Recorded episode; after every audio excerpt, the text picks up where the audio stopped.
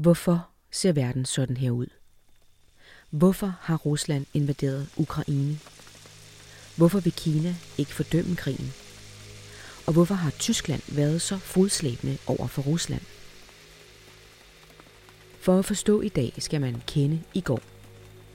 Tidligere udenrigsminister Per Stig Møller lister i ny bog fem afgørende øjeblikke op, der ændrede verdenshistorien og formede verden frem til i dag – Fem øjeblikke, der kun blev afgørende, fordi Churchill, de Gaulle, Nixon, Kohl og Mandela havde mod til at stå helt alene med deres visioner og drømme, og kraften til alligevel at gennemføre dem. Vi fokuserer på tre af de fem afgørende øjeblikke og spørger Per Stig Møller om, hvad de kan lære os i dag, og om vi må særligt har brug for deres historie netop nu.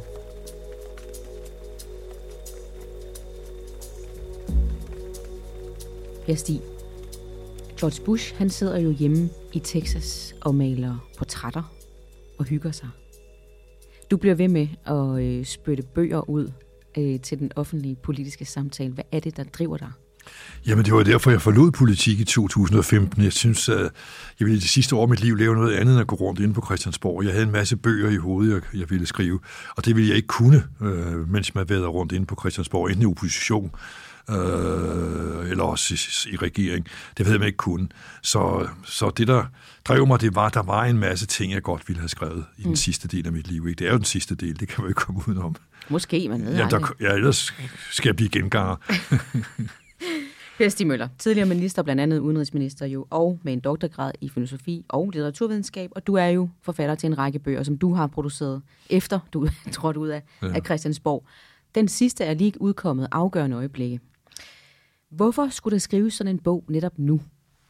Jamen, jeg synes faktisk, at øh, tiden åbenbart kalder på den, fordi øh, vi kan jo se, hvordan vi har problemer med øh, de personligheder, som, som styrer verden, om jeg så må sige. Og så er det jo godt at se på, hvad er det drivkraften, der har været hos dem, der virkelig forandrede verden i en positiv retning. En, vi er glade for i dag. De vanskeligheder, de stod i dengang, og det, de fik ud af det. Og øh, altså, jeg kan jo bare sige, det er åbenbart ikke den eneste, der ment, den bog skulle skrives. For Kershaw har lige udsendt en man til, og øh, Kissinger har udsendt en man til, så der er siddet Kissinger i Amerika, Kershaw i England og mig i Danmark, og skrevet parallelle bøger, de er selvfølgelig ikke identiske, men igen gået ned og se på nogle skikkelser og nogle situationer, som øh, har flyttet verden. Det er jo primært gode øjeblikke, hvis man ser med vores vestlige øjne i hvert fald. Øh, noget, nogle øjeblikke, der har reddet os fra det onde og øh, skabt grobund for en friere og rigere verden. Hvorfor er det, du ikke har taget nogle af de dårlige øjeblikke med, som også har været afgørende? Altså... Ja, nu vælger jeg at tage dem, som har forandret verden på en måde, som vi er glade for i dag. Uh, vi kunne selvfølgelig også tage nogle dårlige øjeblikke, som jeg er glad for mislykkedes.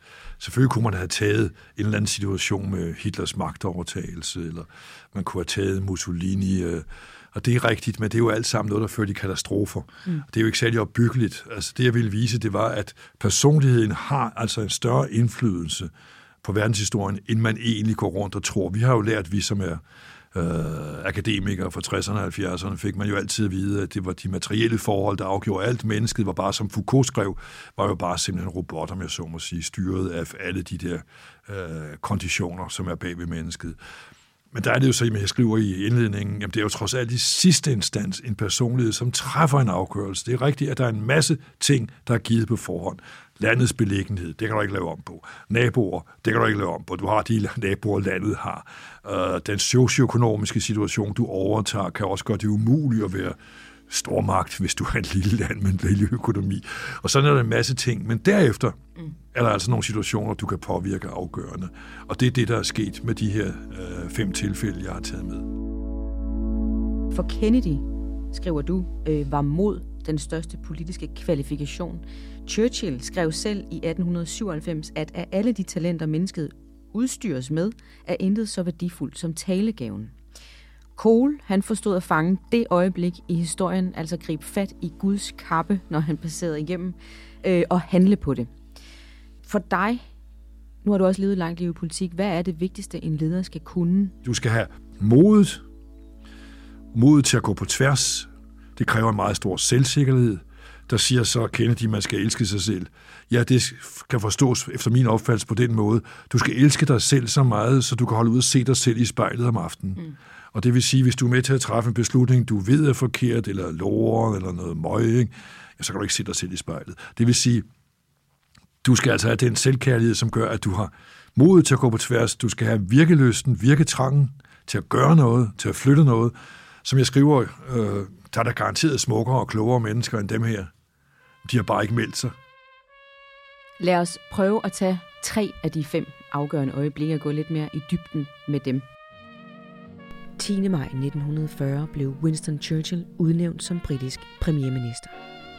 Den Churchill, der som den eneste i overvis havde advaret mod Hitlers ekspansionistiske visioner. Men ingen havde lyst til at tro på Churchill. Ingen orkede mere krig. To år før var det lykkedes Hitler at overbevise verden om, at han kun skulle bede om et lille bitte stykke af Tjekoslovakiet, og så var alt godt. Men han overbeviste ikke Churchill. Samme dag som Churchill blev premierminister, rullede tyske kampvogne der også ind i Luxembourg, Belgien og Holland.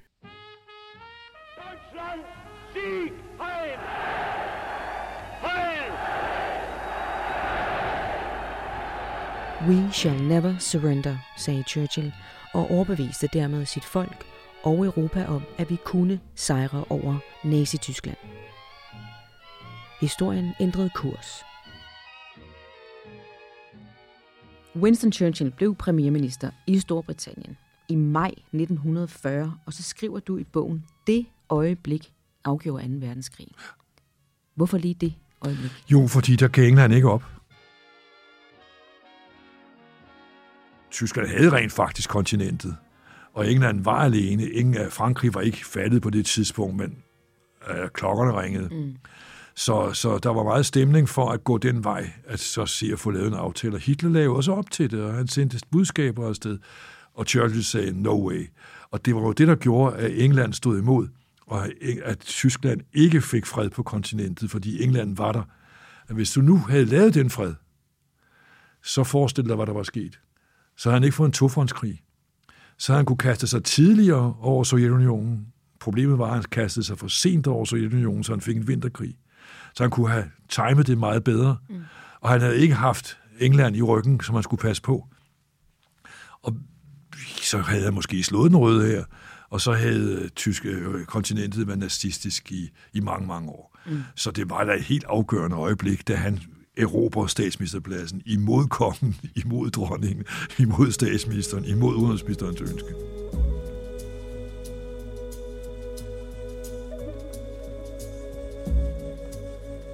Det er bare ret vildt at læse om al den modstand, han møder, øh, både i parlamentet, i offentligheden, ja, fra kongen. Der er ingen, der ligesom er med ham. Og så er det ham af alle, der ender med at blive altså helten. Ja, han bliver den store krigshelt. Hvad, hvad, hvad var det, han... Hvad var det, Jamen, han det, gjorde han det andet, som, han, som du tog frem der. Talegaven. Mm. Talegaven, som han jo nævner, det der tekst fra 97, som aldrig blev trygt, men som ja. findes talegaven, med den kan man stå imod meget og over, øh, overvinde meget modstand. Og det var jo det, han gjorde. I kraft af hans talegave i 30'erne, som vi talte om før, så kunne man ikke ignorere ham. Han kunne ikke blive minister, men man kunne heller ikke smide ham ud. Så talegaven havde han, og det er den talegave, han bruger straks efter 10. maj 1940 til at sige til englænderne, at vi står imod. We shall never surrender, ja. som en af hans berømte sætninger er. We shall never surrender. We shall go on to the end. We shall never surrender. Vi vil fight on the beaches. We shall fight on the beaches. We shall fight on the landing grounds. Fight on the landing grounds og så videre. Ikke? De talgaver betyder pludselig, at den engelske befolkning ikke bliver defaitister, som de var efter 38. At de føler, at den kan vindes. Mm. Altså Churchill får det hele tiden ind i dem, at det kan vindes det her. Først skal vi stoppe invasionen, som var planlagt. Den kommer så ikke, fordi de, The Battle of Britain vinder, vinder den britiske luftvåben og så kan det gøre det gå fremad. Ikke? Ja. Så kommer der nogle sejre i Nordafrika og så videre øh, rundt omkring i slutningen af 1940. Men vi skal, hvis vi skal prøve at tage øh, situationen, øh, hvor han afgør, kan man sige, 2. verdenskrig, fordi han tager magten. Ja. Øh, er der noget af det, er der noget i den situation, i det øjeblik, vi kan lære af i dag? Ja, altså det kan man, hvis man er politiker. Mm. Men hvis vi nu var det? Ja, ja altså, man skal, det. altså det jeg gør, det er jo at vise, hvordan sker det. Altså jeg, jeg lukker jo læserne ind i alle fem tilfælde i maskinrummet. Det har man ikke lavet. Den bog findes ikke, før den her er kommet. Og derfor kan, går den dybt ind i, hvad var det, der skete i øh, op til og i øjeblikket. Og der prøver jeg så at beskrive altså strategien, mm. måden, der blev handlet på. Og det kan man sikkert lære meget af, for hvad er det, Churchill gør den eftermiddag, hvor han får erobret pladsen? Han holder kæft. Øh, de havde regnet med, at han skulle starte med at acceptere Halifax. Det gjorde han ikke. Derved tvang han Halifax til at komme på bordet først og komme med sine indvendinger mod sig selv, som han jo skulle have fejret væk, Churchill, hvor han i stedet for siger, jamen det er jeg enig i, du har nogle vanskeligheder der. Bang! Så var han ude. Det er altså en virkelig smart forhandlingsstrategi, som jeg har tænkt mig at huske. Ja, bare evnen at holde, holde kæft ja. er meget vigtigt. Lad de andre tale ja. og sige øh, noget dumt, måske. Det er ligesom sprint i cykling. Du skal prøve at komme ja. i baghjul. Den 21. februar 1972 landede den amerikanske præsident Richard Nixon i Beijing. På landingsbanen gav han Kinas statsminister Zhou Enlai et fast håndtryk. Da vores hænder mødtes, endte en æra og en ny begyndte, skriver Nixon selv senere om mødet. Der var kold krig mellem Sovjet og Vesten, men varm krig i Vietnam. Kina var totalt isoleret fra Vesten, indtil 1971, hvor formand Mao pludselig inviterede nogle amerikanske bordtennisspillere til Beijing, ja, så var der faktisk ingen diplomatiske relationer, ingen topmøder, ingen fællesmøder, ingen som helst udveksling af noget som helst mellem Vesten og Kina. Men den sovende drage i øst var ved at vågne, og det var om at være klar med en morgenbolle og en varm kop te, når den for alvor slog øjnene op, mente Nixon. Håndtrykket på landingsbanen blev et afgørende øjeblik, der ændrede historien og bragte Kina ind i verdenspolitikken, skriver Per Stig Møller i sin bog Afgørende øjeblikke. Hvad betød det her håndtryk? Ja, altså derfor er bogen har jo også fundet billedet, hvor det sker på landingsbanen ja. i Beijing. Det var simpelthen svært at finde, for de er altid billederne af Mao og Nixon, du ja. har alle vegne. Men jeg sagde, vi skal finde det, vi skal finde det, det må findes, og så fandt forholdsredaktøren det også. Ja. Og det kan man så se i bogen. Det skyldes, at Foster Dulles, amerikansk udenrigsminister i 50'erne, jeg finder det. Øh, amerikansk udenrigsminister i 50'erne, han nægter under Genève-forhandlingerne, hvor Kina er med, jeg tror i 54, hvor man skal se at finde en løsning på Indokina-problemet. Øh, der nægter, trækker Ho Chi Minh, uh, Chu Enlai, uh, hånden frem for at hilse på den amerikanske udenrigsminister, og Foster Dulles ignorerer ham. Det er jo at lade en kineser tage ansigt. Det glemmer de jo ikke. Nej. Og derfor vil du se på billedet, at han trykker ham grundigt i hånden og holder ham længe i hånden. Derved markerer han, at den der fornærmelse, den er han imod, og den er fortid. We seek an open world. A world in which no people, great or small, will live in angry isolation. Og det betyder, at der er åbnet for, som man siger, en ny æra, altså hvor vi nu kan snakke sammen, i stedet for at foragte hinanden.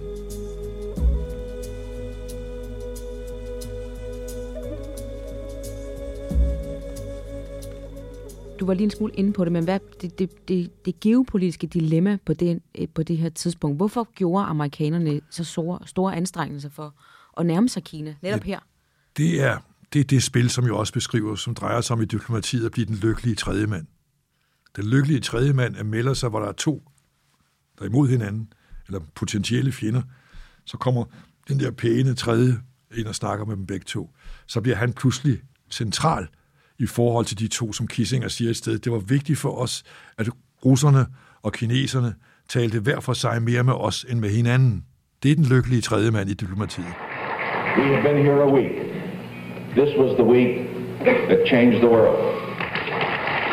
Ved at tage over og få ændret forholdet til Kina, amerikansk-kinesisk forhold, så får han jo også ændret forholdet mellem Kina og Rusland, ja. Sovjetunionen som jo ville være meget farlig, hvis du har den. Du har en kold krig, du ved ikke, hvornår den vil eksplodere, og har Rusland og Kina på samme side øh, med krig både i Europa og over Stillehavet, kunne blive en meget, meget vanskelig situation at vinde.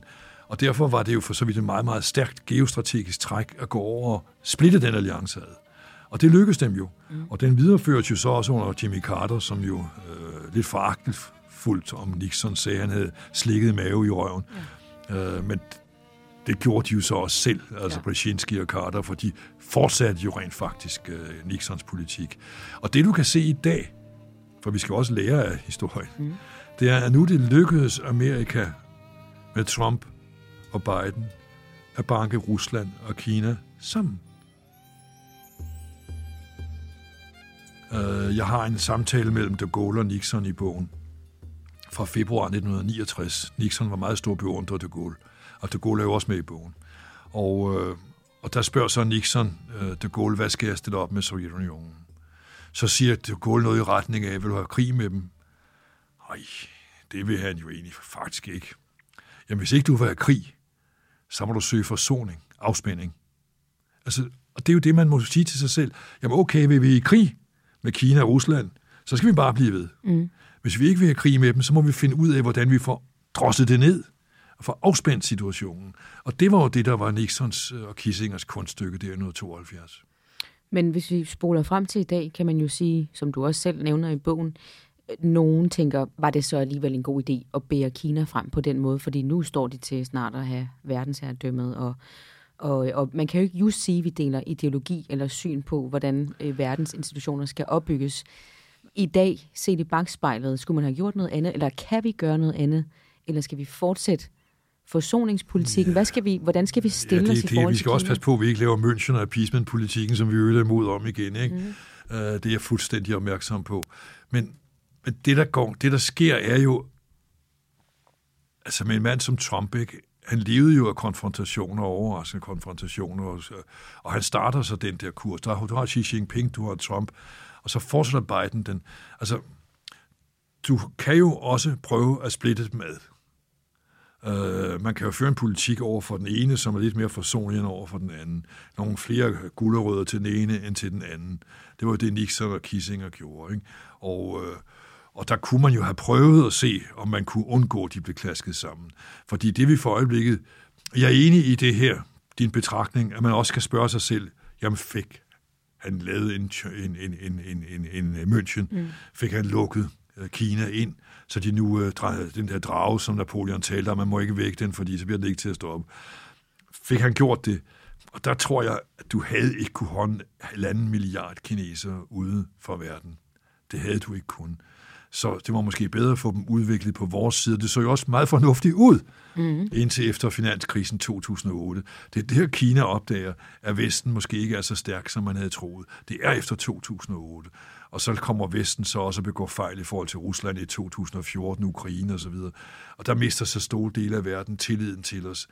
Altså, troværdighed og tillid er helt, helt afgørende i udenrigspolitik. Og det er den, som Nixon og de andre erobrer og det er så det, der gør, at det blev et afgørende øjeblik for det ændrede verdenshistorien. Og du har ret. Jamen, har de så ændret det til det værre? Med Kina er så blevet den store magtfaktor. Og det tror jeg ikke, du havde undgået alligevel. Nej. Det, du har, øh, kan få, kunne få ud af det, det var, at det var en fredelig kappestrid. Altså, at øh, vi skal passe på, at vi, og det er det, jeg advarer mod i bogen, at vi ikke deler verden op i to dele. En del, som har amerikansk valuta, amerikansk chips og amerikansk teknologi. Den anden del, som har kinesisk valuta, kinesisk chips, kinesisk teknologi. Og de der indkom, du kan ikke få dem til at tale sammen. Det kan du ikke. Det er jo en af ideen i det. Du kan ikke få dem til at tale sammen. Så har du verden delt op i to blokke, som tidligere kunne tale sammen. Det kunne man med Sovjetblokken, desuden var den ikke så farlig, fordi den havde jo ikke nogen økonomiske kræfter. Så du risikerer at få delt verden op på den måde. Så er det, jeg siger, Vesten er jo ikke så stærk, som vi var i 50'erne. 50'erne var vi jo dominerende, 60'erne, 70'erne stadigvæk.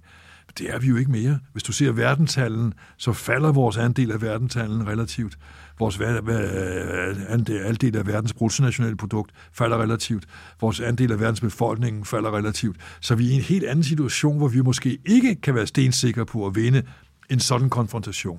Og hvis ikke man er sikker på at kunne vinde en konfrontation, ja, så skal man jo nok hellere undgå den, og det er min pointe. Ja. Og vi skal måske heller ikke havne i det, som George Orwell beskriver i 84, hvor der også er de her kæmpe... Præcis. Øh, blokke, som bare fører krise i markedet. Ja, ja, hele tiden går i krig med hinanden. Vi skal flyve, sagde Sovjetunionens præsident Mikhail Gorbachev til den tyske kansler Helmut Kohl 15. juli 1990 i Moskva. De to havde haft samtaler i Moskva samme dag, og det var meningen, at samtalerne skulle fortsætte i Kaukasus i Gorbachevs dacha, men nu var Kohl faktisk på vej hjem. For det virkede ikke til, at den sovjetiske leder havde nogen som helst lyst til at give Kohl det, han ville have. Nemlig Tysklands fulde suverænitet og lov til at være medlem af NATO. Muren var faldet, men det betød langt fra, at Tyskland var blevet til et land. Men da Gorbachev sagde til Kohl, at han ikke burde tage hjem, lad os flyve, der var det et afgørende øjeblik i historien. Et øjeblik, der betød, at Tyskland blev til et land, og at Europa herefter udviklede sig til en fri, fredelig og velstående union. Hvorfor var det lige præcis det øjeblik, og ikke den 9. november, da muren faldt? Ja, fordi øh, mur, øh, muren faldt for betød jo ikke, at Tyskland blev genforenet. Der var jo ret mange, der ikke ønskede genforening. Også gode demokratiske kræfter. Altså, Socialdemokratiet i Tyskland var ikke helt forhibet på det. Øh, CDU's højrefløjen var jo egentlig heller ikke, fordi det ville økonomisk set blive en meget, meget stor belastning. Altså, hvis tyskerne kunne se, se frem til at tabe noget af deres rigdom der skulle så over til Østtyskland. Så, så den stemning var ikke så voldsom for en genforening, den var for det deres frihed. Mm. Øh, du har de intellektuelle Günther Grass, han er meget imod den genforening, hvor han siger, at det er kapitalismen, der vil have et nyt marked. Uh, Christa Wolf, som vi var meget begejstrede for i Danmark, hun er østtysk forfatterinde, god forfatterinde. Hun ville heller ikke genforenes. Så det vil sige, at der var meget stor stemning for, at DDR skulle selvfølgelig af med det der forfærdelige regime, men så skulle det være en demokratisk land. Mm som skulle gå sin egen vej i demokrati, demokratisk retning, og ikke klaske sammen med Vesttyskland. Så var der nogen, der ville have, der skulle skrives en ny forfatning.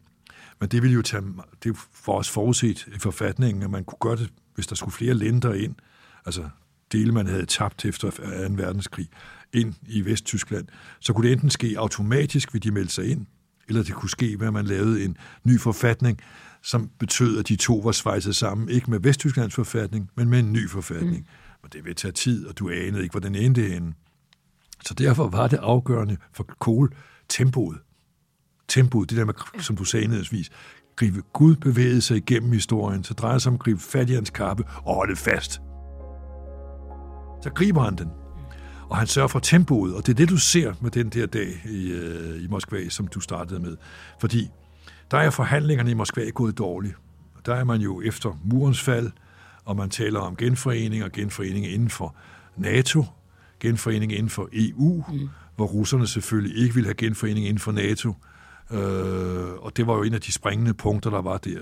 Og da så Gorbachev ikke bevæger sig under forhandlingerne i Moskva den dag, den eftermiddag, så er det Kohl, siger man, de var, havde jo aftalt, for Kohl havde jo en evne til at skabe venskab med det, man forhandlede med. Det var også et af trækkene. Altså skabe venskab, man sidder i pullover og ikke i jakkesæt, og man går tur ved mm. floden sammen om midnat, ikke uden, uden oppasser. Uh, og så siger han, uh, vi havde jo aftalt det her, vi skulle ned i din dacha i morgen, men det er der vist altid ikke nogen grund til. Og så siger Gorbachev så, vi skal flyve. Ja. Jamen, det havde han jo ikke sagt, hvis ikke det var hans mening, at de skulle komme til en aftale næste dag i Kaukasus. Og der ved så Kohl, bang, den kommer hjem. Situationen er jo der også ret interessant. Lidt ligesom Churchill, føler jeg i hvert fald, når jeg læser bogen, fordi han møder enormt meget modstand fra øh, de vestlige lande og de vestlige landes ledere. Øh, og det er der, jeg kan godt sidde og blive lidt flov og tænke, ej, bakkede man ikke mere op om et samlet Tyskland i et frit og, og forenet Europa? Fordi det virker så selvfølgeligt ja, nu. Ja. Men dengang var man stadigvæk bange for, at Tyskland skulle blive for stærkt. Ja, en stor militær magt og økonomisk magt. Ja, så, så, man, så, man, så man skubbede ikke på den måde. Han stod jo ret alene med den der kamp. Ja, ja, altså Slytter og sagde som François Mauriac, jeg holder så meget af Tyskland, så jeg foretrækker to. Ja, præcis. og den var jo, og du kan også se Thatcher og Mitterrand spiller dobbeltspil. Ikke? Han siger en ting til Thatcher og antyder noget andet over for Kohl. Og så ender Mitterrand, Frankrigs præsident, jo med at finde ud af, at vi kan binde, eller Kohl ønsker også det her, at binde Tyskland ind Øh, det vil sige med en ny traktat i EU og, øh, og øh, euroen, mm. således at de ikke har D-marken at være stolte af at spankulere rundt med og dominere med, og at de er bundet ind i det overordnede europæiske øh, politisk samarbejde. Derfor er det, den nye Maastricht-traktat lægger langt mere samarbejde ind i EU, end der var før, og det var for at binde Tyskland ind. Altså Kohl ønskede jo faktisk ikke et Sondervæg, som det hedder, den tyske særvej. Den var væk, og den ville han ikke have igen, for den havde jo ført til to krige. Han ønskede at få lukket spærret Europa, Tyskland ind i Europa. Altså, han siger jo stort set som Thomas Mann, der siger, at vi skal ikke have et tysk Europa, men vi skal have et europæisk Tyskland. Mm. Og det, er det derfor, at det her øjeblik, altså at Tyskland bliver samlet, det kan man jo tænke, man kunne måske godt have haft to lande. Men er det det, som det i virkeligheden førte til, som har ændret verdenshistorien, siden du har taget det med? Altså det skabte et samlet, stærkt Det skaber Europa. jo et nyt Europa, ikke? for det skaber jo Maastricht, det skaber euroen, altså det er alt sammen udløber af det, så det skaber den Europa, du har i dag. Men det, som jeg også har med i slutpointen, at den tyske venlighed over for Rusland, Sovjetunionen, som de jo har i ostpolitikken, som Willy Brandt starter, og Kohl for så vidt fortsætter, øh, og som skabte problemer for os herhjemme i vores debat i 80'erne. Altså, det var jo en forsonlighedspolitik. Forsonings, forsoning, forsoning. Og det kan man jo godt se i bagspejlet. Det var jo meget fornuftigt for at få afdramatiseret forhold til Sønderjylland, så de kunne få genforening. Ja. Hvis det, altså det var stadigvæk for det drømmen. Ikke? De troede ikke, den blev virkelig i deres tid. Det var stadigvæk drømmen. Og hvis man skulle have liv i den drøm, så skulle der jo ikke være krig mellem Rusland og med Sovjetunionen og, og Tyskland. Men den forsonlighedspolitik, den har de jo fortsat bagefter.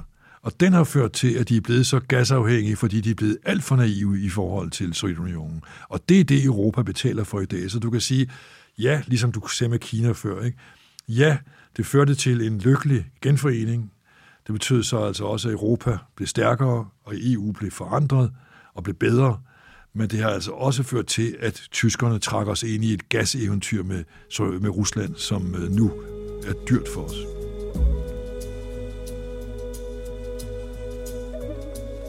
Så de her ting, afgørende øjeblikke, trækker altså spor op til situationerne i dag. Hvis vi skal tage bare et af dem, et af de øjeblikke, du har beskrevet i bogen her, er der et, der minder dig særligt om noget, der sker i dag? Er der en, et dilemma, en situation, der får dig til at tænke på noget i dag? Ja, det er, der er jo så det helt uhyggeligt. Altså det har du, nu har jeg nævnt det der med kinesisk-russiske, som er blevet farligere i kraft af den konfrontationspolitik, vi selv er medskyldige i. Mm. Jeg siger ikke, at vi er skyldige i den, vi er medskyldige i den, for man kan lade sig lokke op af et trin, og man kan også prøve at få trinet nedad. Øh, og så er der jo altså Ukraine. Altså, det du ser med Ukraine, hvis Putin får lov til at smadre Ukraine, indsætte en eller anden øh, lydregering senere, så er de næste, der står for tur, Estland, Letland og Litauen. De har den storrussiske drøm, og Estland, Letland og Litauen var en del af Storrusland.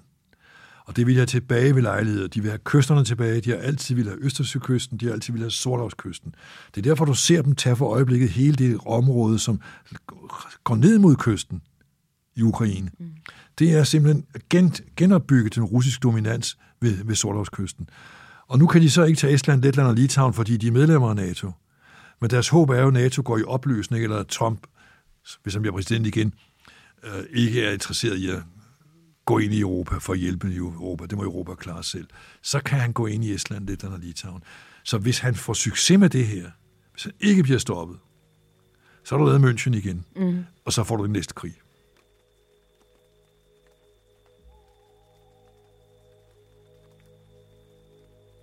Hitler havde jo ikke regnet med, at England tog sig sammen, da han invaderede Polen. Det havde han jo ikke regnet med. Fordi de gav jo efter hele tiden. Mm. Og så kommer pludselig situationen, hvor man siger nok er nok. Og det var så det, Chamberlain gjorde, og Churchill blev marineminister. Øh, og det er det samme, du kan risikere at se igen, ved at Putin trækker den en gang for langt, og vi andre er nødt til at reagere og sige, så stopper festen. Så det er en øh, dødsensfarlig situation, vi er i, og det, der er fortilfælde, mit fortilfælde ville være 1940. Fordi det skrev jeg altså før krigen. Jeg var en af de få, om ikke den eneste i Danmark, der skrev før krigen. Krigen kommer. Jeg skrev også, hvornår den kom, ugen efter vinter og så skrev jeg, at den bliver på sovjetisk manér. Altså ind fra alle sider og smadrer så meget som muligt. Og det du ser nu, det er den gamle, altså du skal altid kunne historien for at forstå, hvad der sker nu. Det er den gamle sovjetiske måde at føre krig på. Smadre, smadre, smadre alt. Men det har de altid gjort, og det bliver de ved med.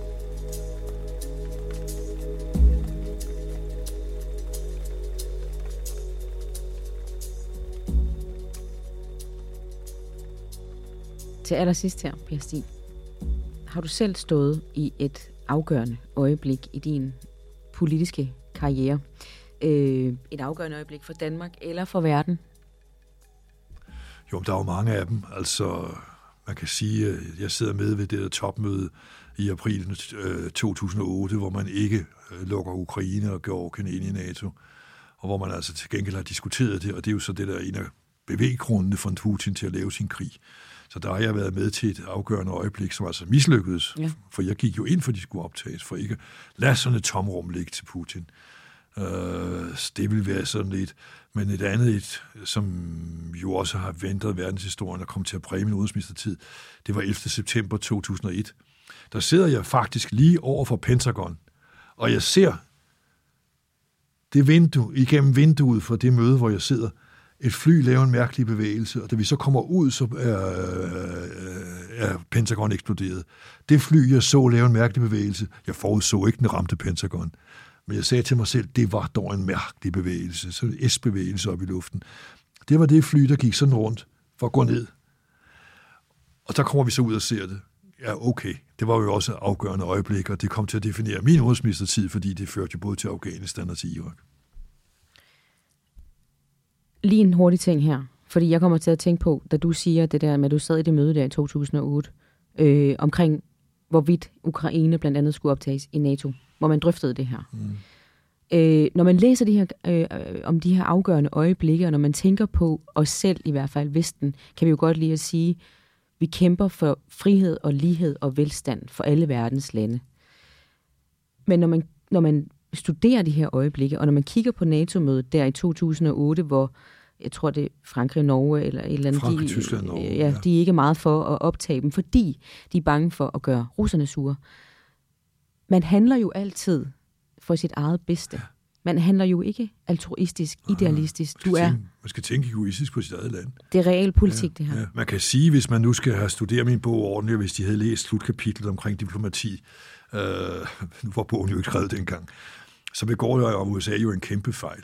Man skal jo ikke åbne den debat på et topmøde med henblik på en beslutning, og så være ude af stand til at få den beslutning, man gerne vil have. Ikke når man er Amerika. Vi andre kunne have klokket ind i det. Vi kunne have stillet et forslag, men det havde også været ret ligegyldigt for hele verden, om vi var blevet stemt op eller ned.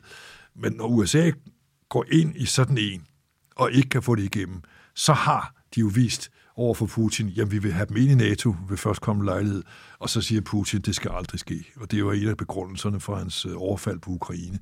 Og der er jeg himmelfaldende som gammel udenrigsminister over, at man kan lægge det på bordet som forslag til et topmøde, uden at have sikret sig, at man får det hjem, at Norge kan være med til at smadre det. Mm. Og nu får Norge så hjemsøgt af, af øh, droner, og måske får de smadret deres oliefelter og gasfelter, fordi øh, nu skal vi alle sammen i Norden fryse. Det er jo en udløber af, at de ikke havde mod til, som os andre, at få Ukraine ind i NATO. For på det tidspunkt havde Putin ikke kunne udløse en krig i 2008. Der kunne vi have gjort det. Nu kan vi ikke gøre det, for nu er der en krig. Mm. Og så, så det er jo skæbnes ironi, at Norge sidder med generalsekretæren i NATO, han var statsminister dengang og var med til at sabotere øh, det amerikanske forslag, som vi støttede med Ukraine. Så det viser jo også noget om det diplomatiske spil, og hvordan det skal kunne spille det og se langt. De så ikke langt, de så egoistisk på det. Du kan godt være egoist, men du skal også tænke på, at landet skal jo også leve 10 år frem i tiden, 20 år frem i tiden. Du skal se på, hvad fører denne her handling til senere. Ja. Det var det, Churchill gjorde, det var det, de Gaulle gjorde, det var det, de alle sammen gjorde. Nelson Mandela, som også er med, de så jo langt. Når Mandela har jo, viser jeg jo i bogen, var jo fyldt med egentlig had og bitterhed. Mm. Det kan man jo se med, hvad der siger ud af bemærkninger fra ham. Men han forstår at holde det nede. Han træffer beslutninger om, at det kan ikke bruges til noget. Så, så det viser jo altså, at der er kolossalt meget ting, du skal kunne håndtere ja. for at få en lykkelig udgang. Ja. Og i den grad det personlige diplomati, ja. øh, hvor meget det egentlig betyder at træffe det helt rigtige valg og stille det helt rigtige forslag til det helt rigtige menneske på det helt rigtige tidspunkt. Præcis. Per Stig Møller, tusind tak for at Tak for samtalen. General Secretary Gorbachev, if you seek peace, If you seek prosperity for the Soviet Union and Eastern Europe, if you seek liberalization, come here to this gate. Mr. Gorbachev, open this gate. Du har lyttet til Bliksen eller Kaos. En podcast fra Gyldendal.